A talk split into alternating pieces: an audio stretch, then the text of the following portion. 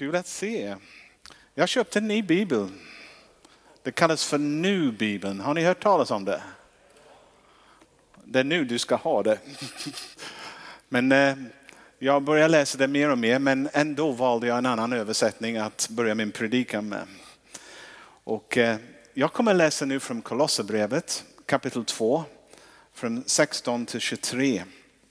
Och eh, jag läser från Message Translation, det är ganska fri översättning och sen kommer jag utgå i, i, mer från den viktiga, viktiga text senare. Men jag tycker det är så viktigt att eh, vi läser Bibeln om och om och om. Och ibland om man läser olika översättningar också, det hjälper oss inte att vara ordblind. Så att eh, olika sätt att formulera sanningen kan gå in. Men jag läser här.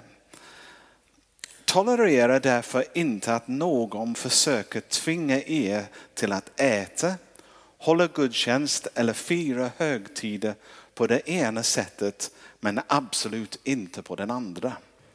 Allt detta är bara skugga som förebråder den verklighet som skulle komma, Kristus. Låt inte andra människor styra och ställa med er tvinga er att buga hit och bocka dit.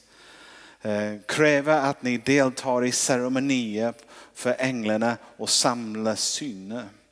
De blåser upp sig utan någon orsak och tappar kontakten med livets källa, Kristus. Han som får samman till en, ett enda stycke. Han vars andedräkt fyller våra lungor vars blod rinner i våra ådror.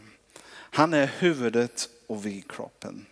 Det är bara genom hans försorg att vi kan växa och mogna i livet med Gud. Om ni alltså i och med Kristus lagt all sådan pretentiös och barnsligt uppvisningsreligion bakom er, varför låter ni den då köra, kör med er? Inte röra, inte smaka, inte nudda.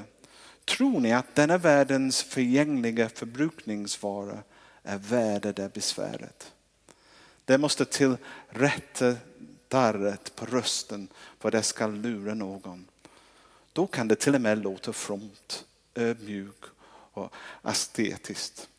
Men det är bara ytterligare ett sätt att visa sig duktig och viktig. Och det är Paulus som skriver till eh, församlingen i Kolossea. Herre, vi tackar dig för ditt ord. Som alltid, varken vi vill det eller inte, har en tendens att gå rakt in i våra hjärtan och orsaka förändring som behövs och, och en omställning som också behövs. Och vi ber att du gör det med ditt ord idag. I Jesu namn. Amen. Jag var riktigt välsignad av Lovisas predikan i söndags. Eh, och jag måste säga om ni missade det, då ska ni gå in på vår hemsida och lyssna till det, för det är värt att lyssna.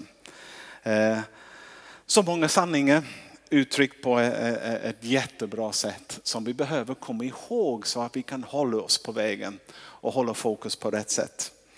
Och hon gjorde det bra Eh, i söndags. Jag tuggade på den predikan flera gånger faktiskt under veckan och funderade över det. Och jag tänkte, det finns mycket som vill lura ifrån oss fokus från Jesus. Vi skulle ha Jesus som vår huvudfokus men det finns mängder olika saker som kan faktiskt dra oss åt ett annat håll så att vi missar det som är viktigt. Och hon var in på det i söndags att ibland är fienden som försöker skrämma oss, försöker övertala oss att han är den som har all makt. Ni behöver vara rädda, om han får plats då kommer ni inte kunna göra något och så, sådär.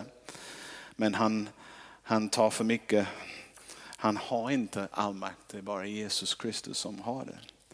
Och sen vi har vår, vår själv, mig själv, jag är min egen värsta fiende. Speciellt när jag sätter mig själv i första rummet. När jag för, Bete mig som man, jag är centrum av universum. Och när man tänker, jag vill ha kontroll över mitt liv, jag vill kunna kanske vara central i alla mina tänkande. Och jag tänker, vi människor vi är duktiga men vi är inte tillräckligt. Jag tänkte på det i veckan när jag tittade på nyheter med alla bränder och sånt. Vi kan tillverka fantastiska flygplan som kan komma och skopa upp vatten och sånt. Men, men vad vi behöver egentligen är regn och ingen av oss kan framkalla det. Det är bara Gud själv som kan göra det.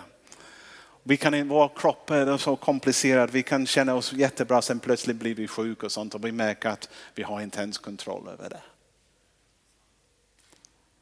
Jag skulle säga det finns, så fort vi tappar fokus på Jesus, vi tappar fotfästet.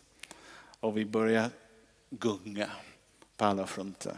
Och det är lätt att vi bara ramlar eller hamna i ångest och oro istället för den trygga platsen som bara Jesus kan ge. Och jag undrar många gånger, jag tänker det är en enorm frihet att överlåta ditt liv till Jesus. Eh, tänk om du ska vara ansvarig för allt, men när du överlåter ditt liv till Jesus, du egentligen säger det är du som är Herre. Det är du som egentligen har koll på de saker som är utanför min kontroll. Och det finns en vila i det. En vila att han som har lovat att vara med oss alltid är det.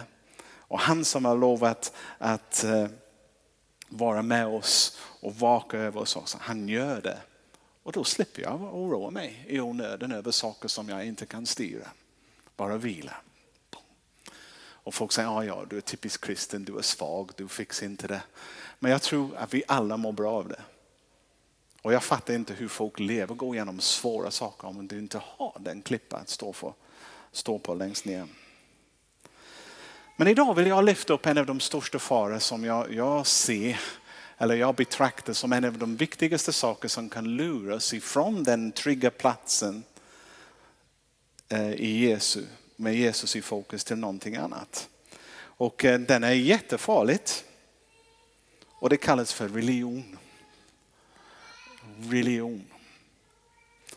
Ja, på min pass det står minister of religion. Så, så beskriver de mig eh, i England när de skrev ut min pass. Han är minister of religion. Men religion, även om det kanske på många sätt är någonting bra, det lätt kan vara den sak som hindrar oss från att ha fokus på rätt ställe. Och jag ska säga de ritualer, de vanor, de traditioner som är gjord av människa för att hjälpa oss hålla Jesus i fokus kan lätt faktiskt ersätta det livet som var meningen vi skulle få. De skulle lätt bli en surrogat eh, på ett äkta liv med Jesus.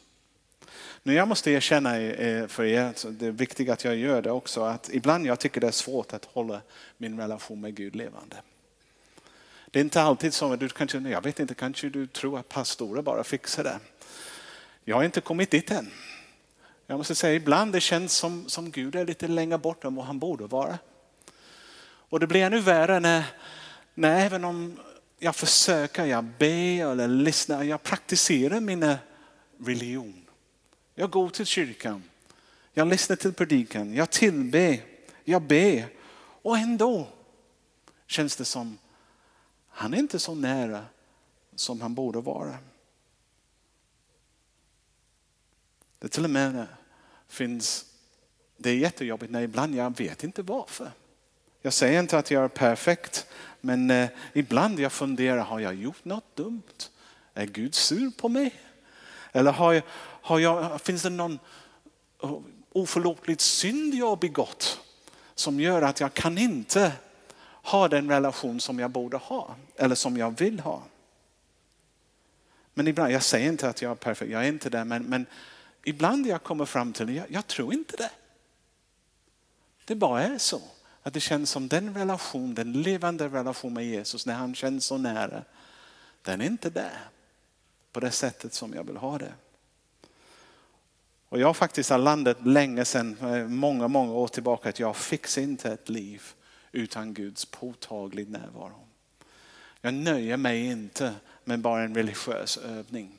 Jag nöjer mig inte med bara eh, ja, en skeende utan den äkta livet med Gud. Det här då, när religion faktiskt kan inte bara vara det, det till välsignelse. Jag säger att Jag är så tacksam att jag har en kristen kultur. Och jag ska absolut inte att någon tänker att oh, oh, det är inte bra att gå till kyrkan, det är inte bra att läsa Bibeln, det är inte bra att inte be. Jag ska, under åren har jag lärt mig att om jag läser denna bok regelbundet, helst varje dag, på något sätt det finns en stabilitet i det. Och jag möter Gud i. Jag har lärt mig också att om jag firar gudstjänst ofta, även om det kan kännas ibland som det är lite torr då och då. Jag, jag vet att i längden jag får en stabilitet, jag får ett andligt liv. De korrigerar mig, de hjälper mig, håller mig på rätt väg. Och jag vet också om, om jag ber, jag faktiskt hör Gud och kan uppleva ett bönesvar. Om jag inte ber då, då hör jag ingenting. Eller någonting. Så, så de här sakerna, när jag känner mig som allt är inte som det borde vara och jag vet inte varför.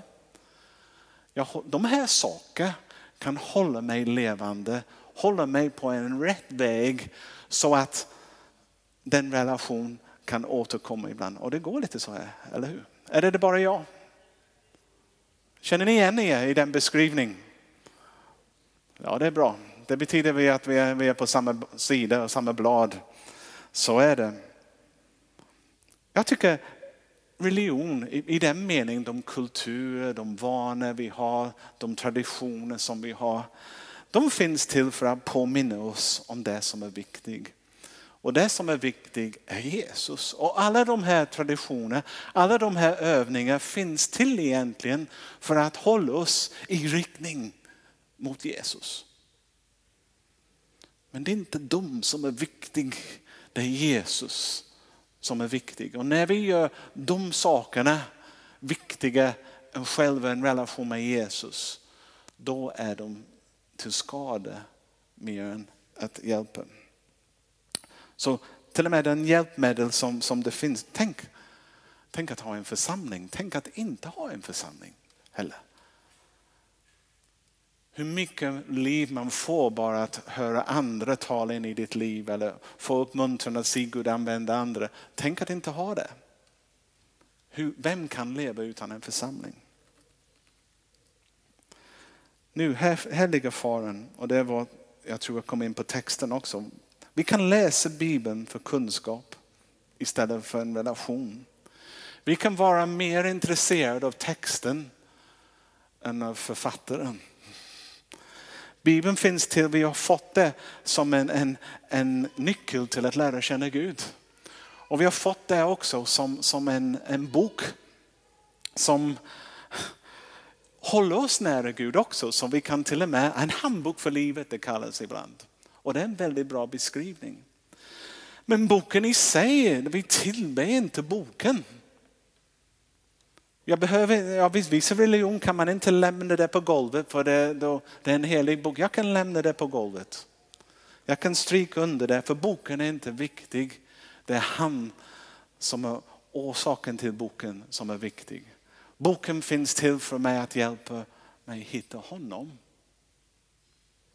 Och på det sättet är vi, men vi kan lätt göra boken och vi kan bli väldigt lagiskt och bokstavliga i vår tro. Det är rätt, det är fel och missa själva ändamålet av boken. Sen finns det gudstjänst också. En gudstjänst kan lätt bli en trevlig samling. När vi sjunger fina sånger som vi gillar, när vi träffar våra vänner som vi har träffat hela tiden. Eller sånt. Det kan vara en fast punkt varje vecka. Som ger livet en lite stabilitet. Och ändå missa den viktigaste att en gudstjänst finns till för att tillbe Gud, upphöja honom och möta honom. Bön kan lätt bli gnäll eller önsketänkande. När bön förvandlas till allt vad jag vill ha, man börjar be och be och be och be och, och, och ändå missa att bön är samtal med Gud och halva bönens innehåll kan lätt försvinna när vi bara tänker på oss själva och det vad vi behöver och vad vi vill ha. Kyrkbyggnaden, jag tackar Gud för denna byggnad många gånger, men kyrkbyggnaden kan vara mer viktig än den än det det byggdes till för. En kyrka som inte får användas för att samla folk för att möta Gud, det, det, det är den viktigaste. Men vissa människor, det är nästan som byggnaden är viktiga än allt annat. Jag försökte, jag försökte ändra saker ibland som pastor och, och jag har fått lära mig att för vissa medlemmar det är kris. Den bänken har flyttat två centimeter på den sidan. Det går inte.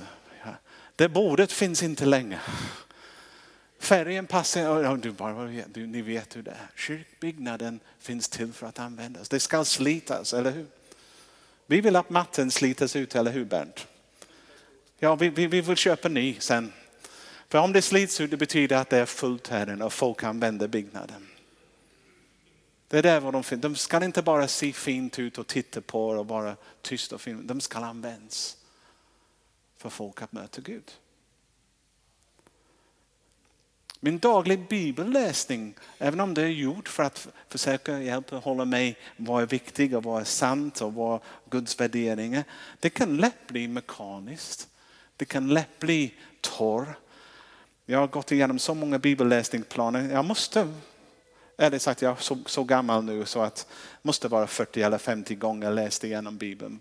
Varje, för jag läser en kapitel var, eller en bibelplan som betyder att du läser igenom Bibeln varje år. Men många gånger har jag tänkt, vad håller jag på med?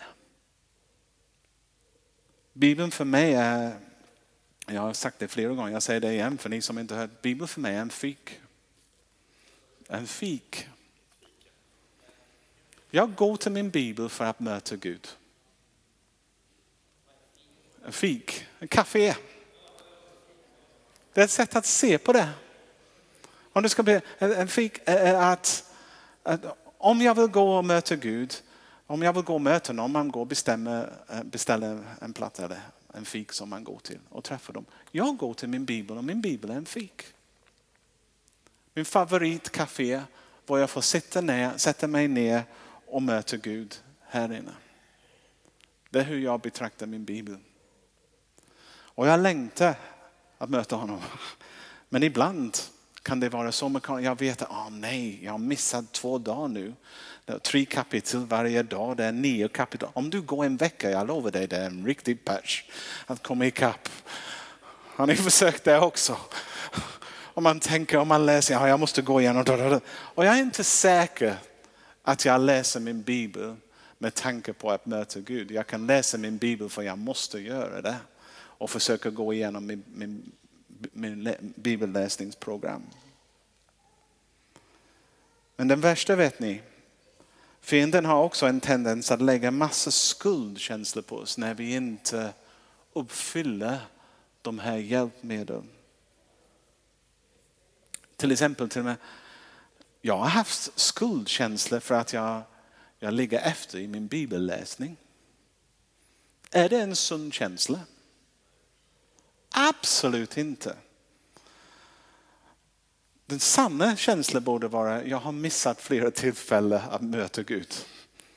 Inte att jag, det är lite grann som jag säger, ja, Annelida, jag gillar Annelida. Tänk om jag skulle bestämma en tid, kan vi träffas i en kafé i stan och, och, och, och möta dig? Men sen glömmer jag bort det. Jag går inte därefter och tänker, åh jag är jätteledsen, jag missade en fin latte och en tårtbit. Det är inte det jag saknar. Det är inte det jag går och ångrar mig att jag missat. Jag ångrar mig att jag missade ett fint samtal med en vän. Och så är det med Bibeln. Jag, jag skulle inte må dåligt att jag missat att läsa Bibeln. Om jag någon gång skulle må kanske lite dåligt, kanske jag missat ett tillfälle att möta min Herre. Det där om, om det skulle finnas någon skuld. Men vi kan få skuldkänsla. Vår fiende är väldigt duktig att lägga på. Man känner sig värdelös.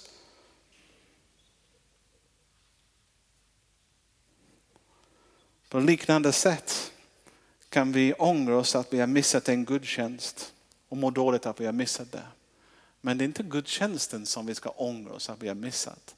Det är tillfälle att tillsammans med andra uppleva Guds närhet.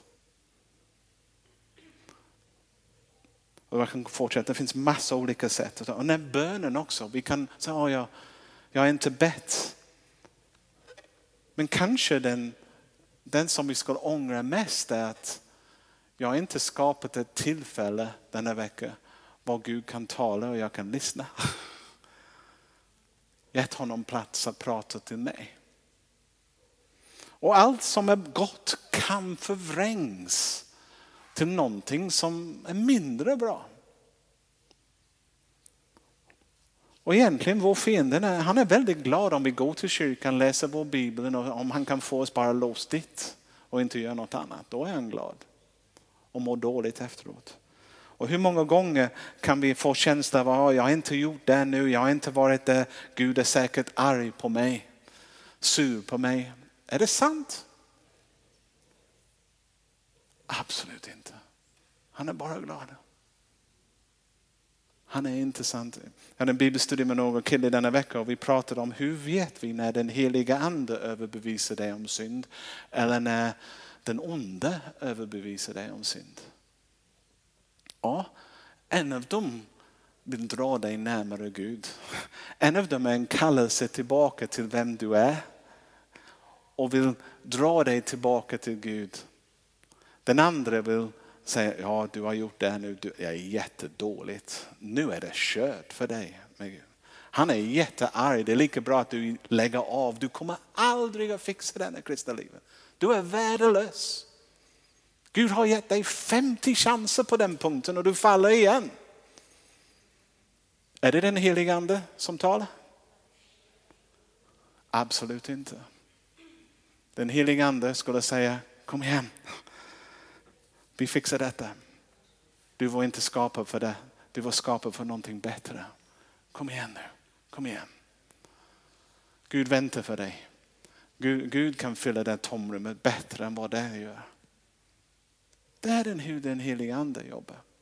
Men ibland i vår religiös beteende och lagiskhet, vi kan må väldigt dåligt över saker som vi ska inte må dåligt och missa helt enkelt de saker som den heliga ande försöker dra i oss för att vi ska må bättre också.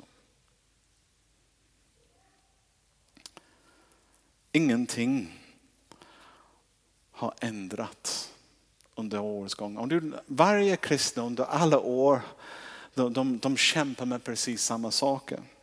Och jag, det står faktiskt i Bibeln, i predikan, ingenting är nytt under solen. står det. Och vi kämpar med precis samma, samma synder som våra förfäder. Men för, vi kämpar med samma tanke som, som är skapad för att hålla oss borta från en nära relation med Gud. Och församlingen i Kolosser, de kämpade på ett liknande sätt. Men när jag läser den här texten som jag läste i början blir jag lite chockerad när jag börjar tänka på vad stod på spel. De var bland de första kristna och de, några av de första kristna församlingar som faktiskt, och jag säger det därför upplevt ett liv utan skuld och skam. Fram till dess att Jesus dog på korset var de religiösa övning någonting som alla människor tvingades att göra varje år. Eller varje vecka, eller det beror på vilken övning det var. Och försöka hålla dig i rätt relation med Gud. Men när Jesus hade dött och på korset och han säger allt är förlåtet. Då ändras allt. Och låt mig läsa vad det står i Kolosserbrevet 2, 13-14. Det står ni var döda på grund av er överträdelse och ert oomskuren tillstånd. Men Gud lät er bli levande tillsammans med Kristus. Han förlät oss alla våra överträdelser och drog ett streck över skuldebrev med dess föreskrifter som anklagar oss. Det tog han bort och spikat fast på korset. Okej. Okay. Eller som Romarbrevet också, samma, samma författare, men den säger så finns nu ingen fördömelse för dem som är i Kristus Jesus. Står det att det finns några fördömelse? Ingen fördömelse för dem som är i Kristus Jesus. Livets andes lag har i Kristus gjort mig fri från syndens och dödens lag.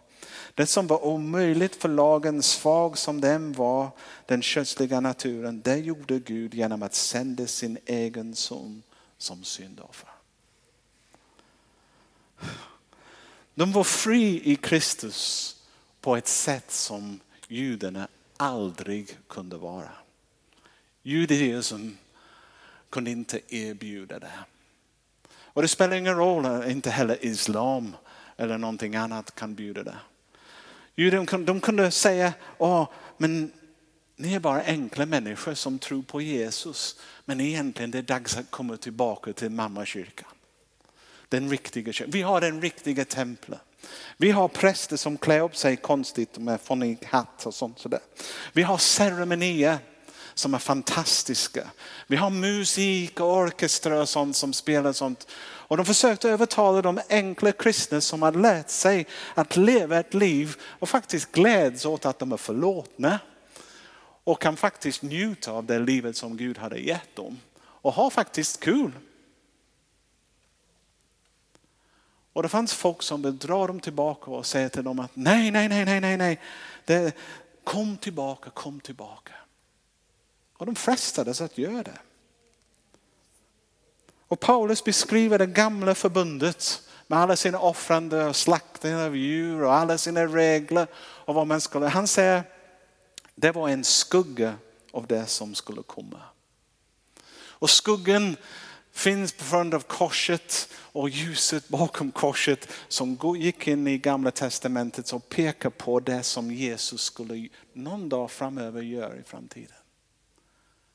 Och det som Jesus gjorde på korset är så fullkomligt att det finns ingen behov för någon övning eller någonting annat eller ritual för att komma åt. Det är bara att tacka och ta emot och leva i det. Och ni behöver inte känna skuldkänslor för att ni har missat något. Eller, eller, om ni känner något så kan ni missa ett tillfälle att lära känna Gud bättre. Men absolut inte för att gå där. Jesus säger, det står här i Johannes 8 och 12, sedan talade Jesus till dem och sa, jag är världens ljus. Den, den som följer mig behöver inte vandra i mörkret utan ha livets ljus. Den tidiga församlingen där, de frestas att lämna den nyvunnen frihet och byta in det för en riktig gammal religion med allt som det krävdes. Paulus, Paulus när han skriver till dem, han fattar ingenting. Hur kan till och med någonting vara attraktivt? Hur kan, finns det någonting som kan jämna, jämföra med, med, med en relation med Jesus? Finns det någon ritual? Finns det någon ceremoni Finns det någonting som kan ersätta en riktig relation när man nära känner någon?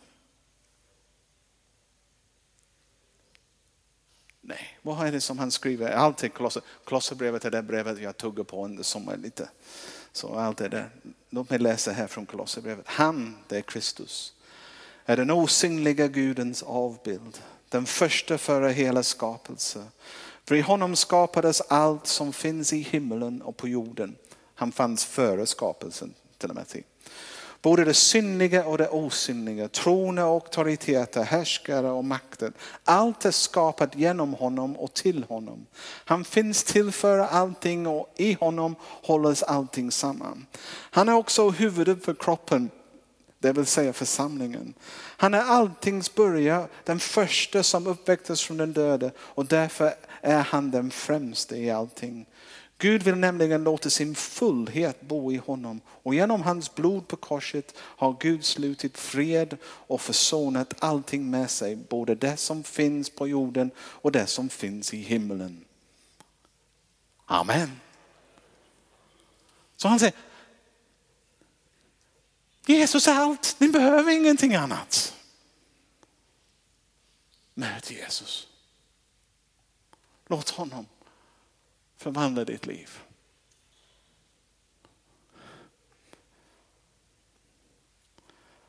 Ha en relation med Jesus Kristus.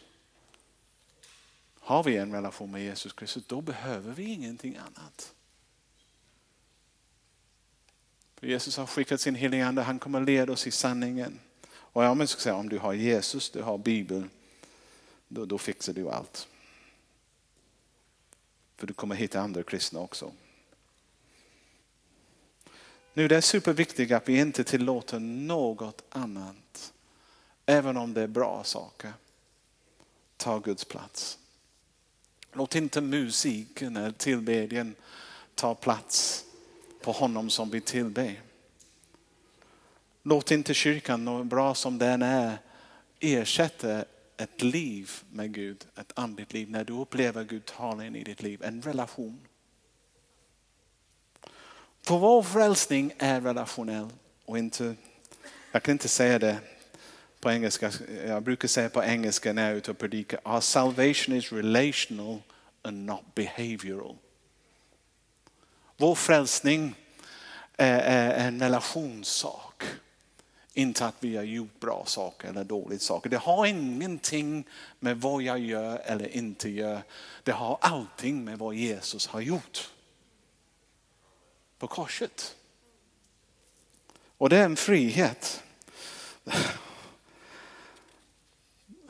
Mina goda gärningar kan inte frälsa mig. De mina, även om jag gör massa bra saker, även om jag gör massa bra övningar och sånt, de kan inte på något sätt skapa en Guds relation. Det är Jesus som ger en relation. Och intressant, jag brukar säga till folk också, min goda gärningar frälser inte mig. Det betyder också att mina dåliga gärningar inte tar ifrån mig mina frälsningar. För det handlar inte om gärningar. Det handlar om relationen. Och det är därför den tjuv, eller vad kallas man, eller kriminell som korsfästes bredvid Jesus, han behövde inte göra massa saker. Allt han behövde säga till Jesus, kom ihåg mig. Han vände sig till Jesus och så fort han vände sig till Jesus och Jesu blick vände sig till honom var det fixat. Jesus sa till honom, idag ska du vara med mig i paradiset. Låt oss komma ifrån gärningar. De enda gärningar som är viktiga, de som vi gör i Kristus. De vi gör för honom, i honom. Det är de som är till välsignelse. Men våra egna försök att tvinga Gud till oss eller manipulera honom att välsigna oss eller någonting, de är värdelösa. Om de är gjort i vår egna kraft. Det kallas för nåd. Och det finns en religion som jag följer, det är nådens religion. För nåden är det som Jesus gav sitt liv för så att vi kan gå fri. Han var inte nöjd med den gamla ceremonin. Han var inte nöjd med de ritualer som kyrkan så ofta skapar. Han vill ha en relation med oss. När han pumpar i våra hjärtan. Och det är bara kristendom som är relation, religion, förlåt, relationsbaserad. De andra stora religionerna är inte det, de är lagiska. Till och med mycket kristendom är lagiska. Så fort man, man måste börja göra saker eller inte göra det för att ha Guds behag har man inte fattat vad evangeliet handlar om. Vi behöver inte be på en viss sätt. Vi behöver inte gå till, på olika korståg eller andra grejer. Vi behöver inte massa saker. Jesus är inte så intresserad av en ytbeteende utan en inre förvandling. När vår hjärta görs om. Som leder mig till, har ni, har ni märkt också, nu jag vill inte prata ner om andra religioner, men, men kristendom, du kan vara kristen och bo i vilken kultur som helst och ändå leva ut din tro och blomstra. För det är inte styrt av om du ber fem gånger om dagen. Om du klär upp dig på en viss sätt eller går det. För det är relationellt. De andra religionerna kan inte göra det på det sättet för de är kulturbunden. De måste ha sin kultur och sina regler och sina paket för att kunna hålla ordning. Men Jesus säger, öppna upp ditt hjärta, låt min helige ande komma in, låt oss ha en relation och då ska vi ha ordning inifrån. Och det är en enorm skillnad. Och den frihet. Jesus säger, när du är fri då ska du verkligen vara fri. Det är en frihet att leva ut ett liv som du var skapad för. Inte så här. Och de regler som finns, de, de, kommer, de är bara för att hålla oss nära honom.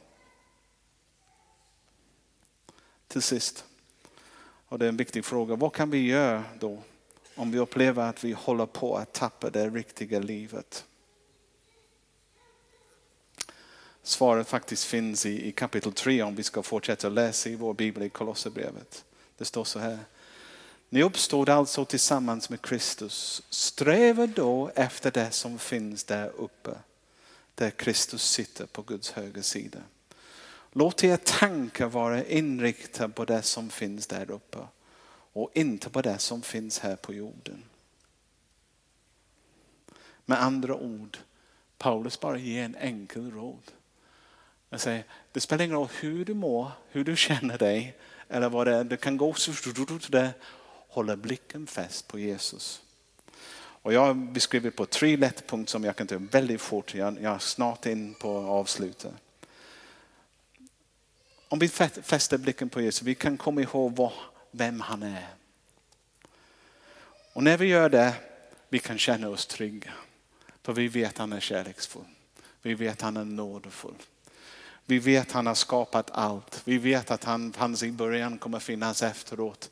Om vi tillhör Kristus, om vi har dött med honom och uppstått med honom. Vi har ingenting att oroa oss för. Så, så det ger faktiskt eh, trygg, trygghet. Och det ger också eh, vår identitet också. Vi vet att vi är älskade. Vi vet att, att han, har, han förmår att hålla oss. Så när vi fäster blicken på Jesus, vi tänk på vem han är. Sen kan vi tänka på vad han har gjort. Detta också inleder oss till att tacksamhet. Jag tänker, jag är förlåten. Tack att han har förberett plats för oss. Tack, tack att det, finns ingen mer behov av andra. Och tacksamhet också är ingångsporten i Guds närhet. Tacksamhet är första steget till tillbedjan. Och tillbedjan också tar oss inför honom väldigt nära. Så om vi tänker på vem han har, vad han har gjort, kan vi också lägga till den sista, vad han kommer att göra. För när man börjar fatta det, då har man framtidstro. Då har man hopp.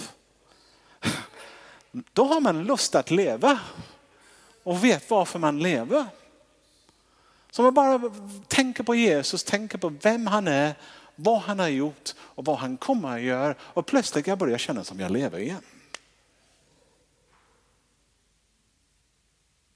Och det är allt vi behöver. Religion och mänskliga övningar kommer inte i närheten av en relation med den levande Guden genom Jesus Kristus. Det var det som vi var skapade för. Det är det som enda sättet att leva. Vi kan inte göra Jesu gärningar om inte han finns i oss heller. Det blir vår gärningar som vi gör till att imponera andra människor. Och det blir så fel. Så jag tror jag slutar där. De övningar som vi har, gudstjänster, all, allt som vi ordnar i kyrkan, de är bra. Men de är inte Jesus. De pekar mot Jesus. Och det är han som vi behöver. Mer än allt annat. Inget annat. Det var rubriken på min predikan. Någonstans hade Jesus i centrum, ingenting annat. Ska vi be? Jesus, du vet hur lätt det är för oss att tappa fokus på dig hur dumma tankar kan leda oss bort eller fokus på, på stormen istället för dig också kan leda oss in i oro. När vi fokuserar på det jobbiga istället för du som löser problem. Jag ber Jesus vara i centrum av våra liv denna vecka. Och låt det vara synligt och märkbart och jag ber som individer och som en församling, vi ska inte vara människor som nöjer oss med, med bara religiösa övningar. Eller prat om andliga grejer. Utan vi ska leva det viktiga livet i relation med dig. I Jesu namn. Amen. Amen.